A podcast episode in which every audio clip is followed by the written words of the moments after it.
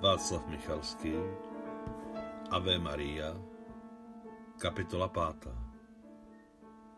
Zaoceánský parník odplouval z Marseille do New Yorku v 18 hodin středoevropského času. Takže Maria s Pavlem měli ještě něco málo přes 10 hodin.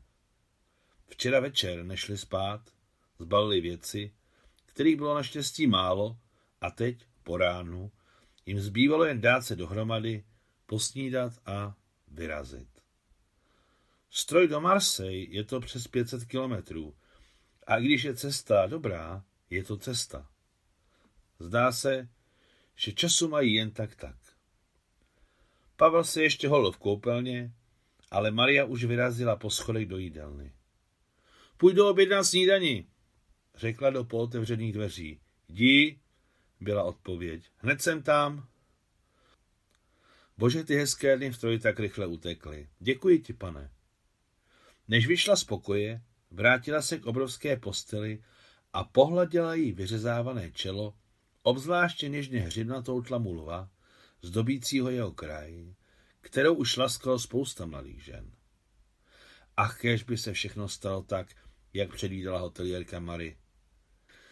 Kdyby jsou chyby, jak říkávala v nezapomenutelné době Marina dětství chůva bába Kláva, matka Burše Sidora Haluška a jejich krásné zrzavé zpívající pokojské Aničky. Vycházejíc z pokoje, Maria se v lehkém ranním šeru zastavila u svazku pelinku, který vysel nad zábradlím schodiště a s radostí si přičichla. Dole se začali docela nahlas dohadovat. Podle hlasu to byla hotelierka Mary a nějaký muž, který odpovídal unilým ostýchavým baritonem. Kde máš citáty? Ale Marie, ptám se tě, kde máš citáty? Ale Marie, vždyť je to umění. Kurník šopa, jaké umění? Dneska hrabinka odjíždí a my musíme začít. Ty chceš, aby jí dostala penále? Ale Marie, umění, já to zvládnu. Máš štěstí, Pole, že jsi můj starší bratr. Jinak bych ti ukázala tvorbu. Peníze ti nedám. Ač přineseš první deset citátů, dostaneš zálohu. Máš pravdu, Marie, vždycky máš pravdu. Jsi tak dobrá, nelísej se, nedostaneš ani centim. Ten neřád Emil na dluh nenalévá.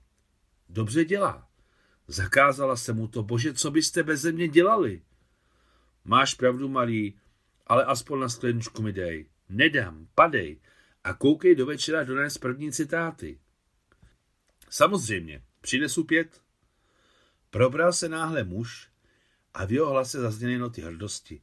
Pět citátů, dodal s královský aplombem. Maria zjistila, že hlas zná.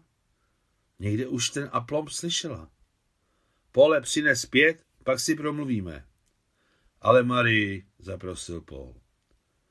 Stříbrná pudřinka, kterou Maria používala, ji najednou vyklouzla z rukou a kutálela se po schodišti. Maria kousek sešla, sebrala pudřenku, kde místo skla byl vyleštěný zlatý disk a pokračoval dolů po schodech. Dole utichli. Dobré ráno, Marie, pozdravila Maria hoteliérku.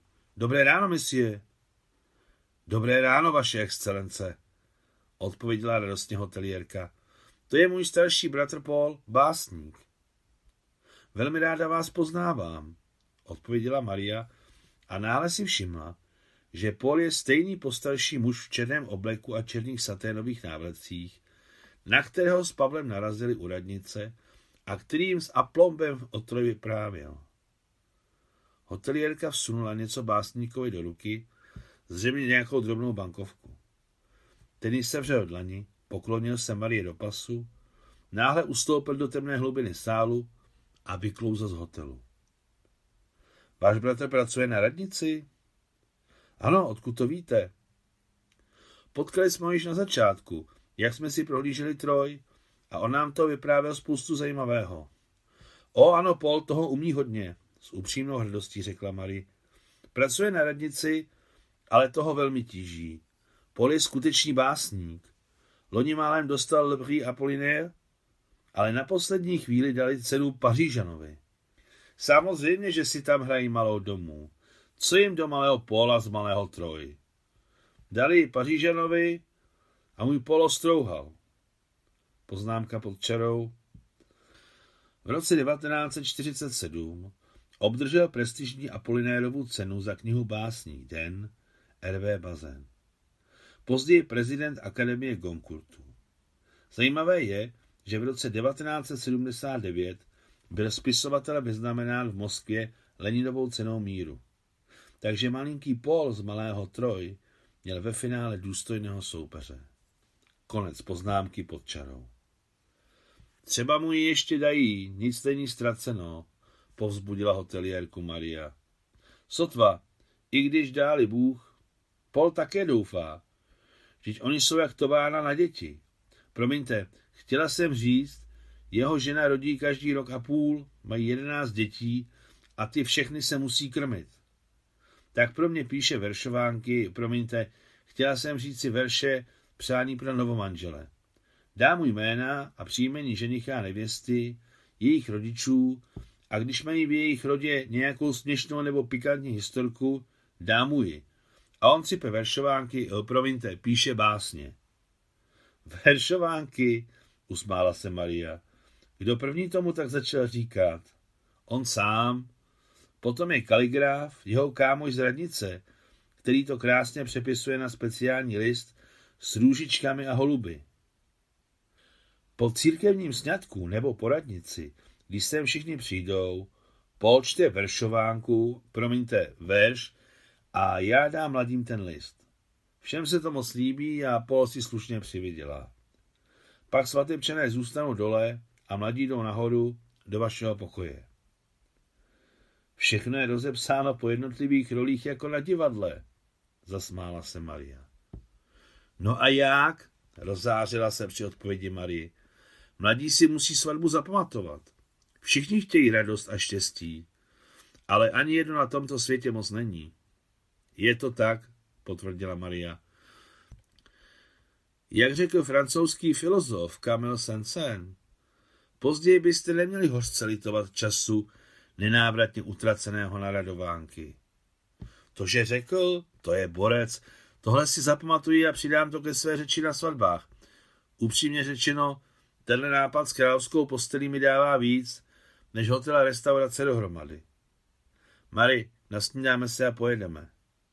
Uh, ano, ano, samozřejmě. Krosenty, kávu, džem? Vše jako obvykle? Jako obvykle. Tak skončil jejich zázračný pobyt v kouzelném městečku Troj. Hotelierka Mary se dokonce rozplakala, když její hosté odjížděli ve svém elegantním autě. Hezké městečko, příjemní lidé, řekla zádumčivě Maria při výjezdu stroj na silnici do Marseille. Sundala pravou ruku z volantu, třikrát se pokřižovala za něco svého tajného. Dlouho jeli mlčky. Musíme stihnout loď, pronesl nakonec Pavel, který už byl myšlenkami u sebe v Americe. To zvládnem, neboj, uhádnu všeho stav, chladně odpověděla Maria. Do vyplutí máme devět hodin, mám zrychlit? Jeď rychleji, ale rozumně. Oho, rozumně. S 20-minutovou přestávkou na lehký oběd v jednom bistru při cestě za Lyonem trvala cesta stroj do Marseille 8 hodin. Na území marsejského přístavu byly 45 minut před odplutím. Lodní žebříky ještě nesundávali, ale remorker se už připravoval, aby mnoha patrový gigant vytáhl ze zátoky na otevřené moře. Pavel se dostavil na palubu jako poslední pasažér. Odstranili žebříky. Zvedli kotvy. Lehkým škubáním zalana se remorkér pokoušel hnout lodí z místa. Nakonec plavně posunul bělosněžný parník podobající se ledovci, zářivě osvícený spoustou světel a zatáhl ho na vodu. Maria zamávala milovanému šátkem, osušila si slzy a počkala v bezstarostném stuhnutí ještě čtvrt hodiny, dokud se obrovská hromada kovů nerozpila v soumraku na výjezdu z hluboké marsejské zátoky. Na molu to páchlo mazutem, zřejmě z remorkéru, ale i tak byl vlhký vzduch se zátoky nasycen svěžestí moře. Tak ples skončil, zamyslela se Maria s hlubokým zdechem. Bylo to či nebylo? Dej Bůh, aby bylo.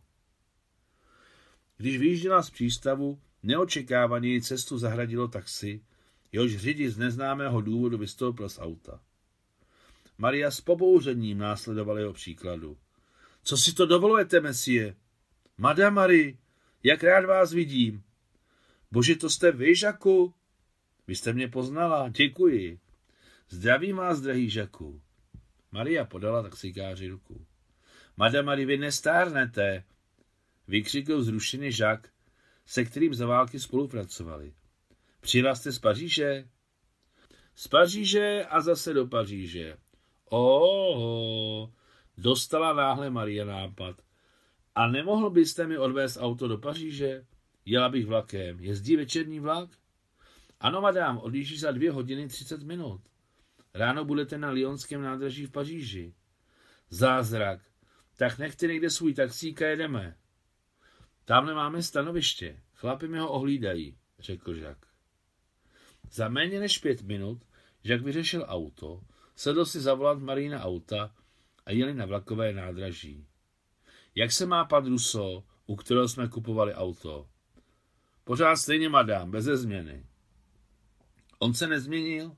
Vy jste se nezměnil. A co odpor? Co vaše válečné zásluhy pro Francii? O, madam, koho to zajímá? Ušklíbil se sarkasticky Žak. Ale já si to pamatuji. Vás i pana Rusova. Vždy jste každý den riskovali život. Madame Marie, všichni se na to snaží zapomenout. Jak se u nás říká, zásluhy se nesčítají. Dokonce jsem si přečet v novinách, že vzpomínat na válečné zásluhy je teď považováno za nesprávné. No co byste chtěla? Dokonce jde góla hned po válce posledové služby. I Churchilla. Roosevelt zemřel. Jen Stalin se udržel na svém postu. Těch, co seděli za bukem, je mnoho setkrát víc než těch, co kladli odpor. Zbabělci vzali vrch. Říká se, že tak je to vždycky. Někdo mi řekl rčení, vítěz nedostává nic. Je to stejné od nepaměti. Hm, asi máte pravdu, řekla Maria poté, co si trpělivě Žaka vyslechla. Život je zapomnětlivý. S tímto závěrem dojeli na nádraží. Maria si koupila jízdenku do spacího vagónu třídy Delix. A co budeme teď dělat dvě hodiny? Zeptala se Maria francouzsky. Ježíš, já jsem trdlo, skoro bych se rouhala. Zaklepavši si na čelo, dodala rusky. Messie Žaku, přešla do francouzštiny, pojeďme na hřbitov navštívit své blízké. Samozřejmě, pohotově odpověděl Žak. Času máme dost. Sedl si za volant a Maria na přední sedadlo vedle něj. Řídit vaše auto je slast, řekl po cestě vzrušený Žak. Za celý život jsem si nevydělal ani na pořádné auto. Všechno máte ještě před sebou. No jo, ušklíbil se Žák. Všechno je přede mnou, jenom ocas je za mnou.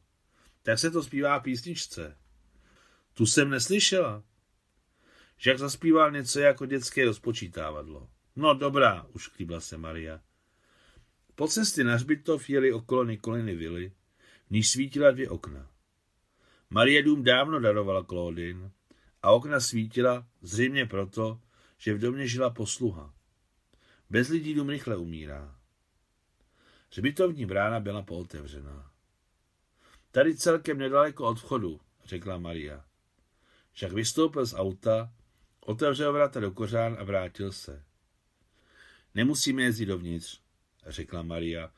Jen mi posvíte na cestu. Však zapnul dálková světla. Mocné proudy žlutého světla vyrvaly ze tmy řadu náhrobků.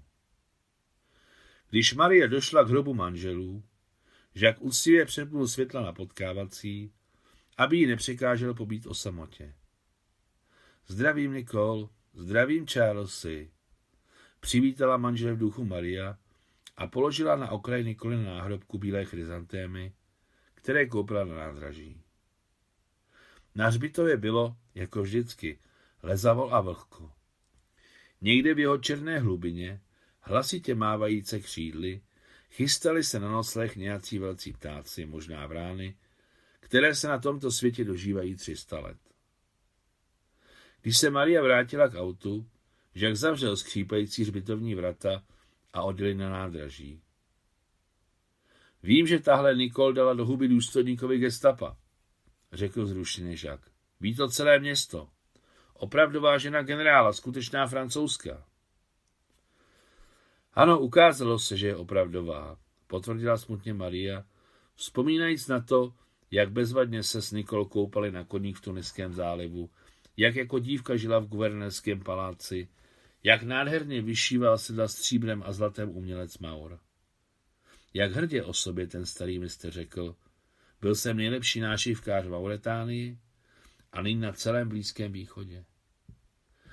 Tenkrát si Maria zapamatovala na celý život, že je zřejmě taková profese nášivkář. Člověk vyšívající sedla zlatými stříbrnými nitěmi. A na tuto profesi je možné být hrdý a zasvětit jí celý život. Nyní Maria Alexandrovna přemýšlela o tom, že skutečných mistrů v každé profesi nežije více než 500 lidí na celé zemi. A stává se, že i méně. Vlak již čekal na peróně. Žaky donesl cestovní tašku k vagónu označenému písmenem, který se od ostatních odlišoval jen číslem 9. Klobouk dolů. Francouzští buržousti se naučili nedávat své bohatství na odiv, neponižovat nemajetné luxusem. Stará buržoazie je stará právě proto, že je chytrá. E, promiňte, skoro bych zapomněla. Maria se pohrabala v kabelce. Tady je má vizitka. Zde je přesná adresa a telefon. Budu čekat. Podala taxikáři Žakovi ruku. Madame Marie, počkejte, vy si ode mě nevezmete potvrzení? Jaké potvrzení? K vašemu autu. Žaku, vy si děláte legraci? My jsme si dali potvrzení ještě v dobách, kdy jsme liskovali vlastní krky, jak jsme z Francie odváželi mladé vojáky na jachtě Nikol. Co, vy si to nepamatujete? Pamatuji, řekl nezněle žák, ale teď je jiná doba. Pro normální lidi ne. Tak si to myslím. Nikdy na vás nezapomenu. Tedy vpřed. Maria potřásla rukou taxikáře Žaka a hbitě nastoupila na zakrytou plošinu. Důvěřovala lidem, jimž se nepotili dlaně. A třesou s taxikářovou rukou, jako by se ještě jednou přesvědčila, že postupuje správně. Konec páté kapitoly.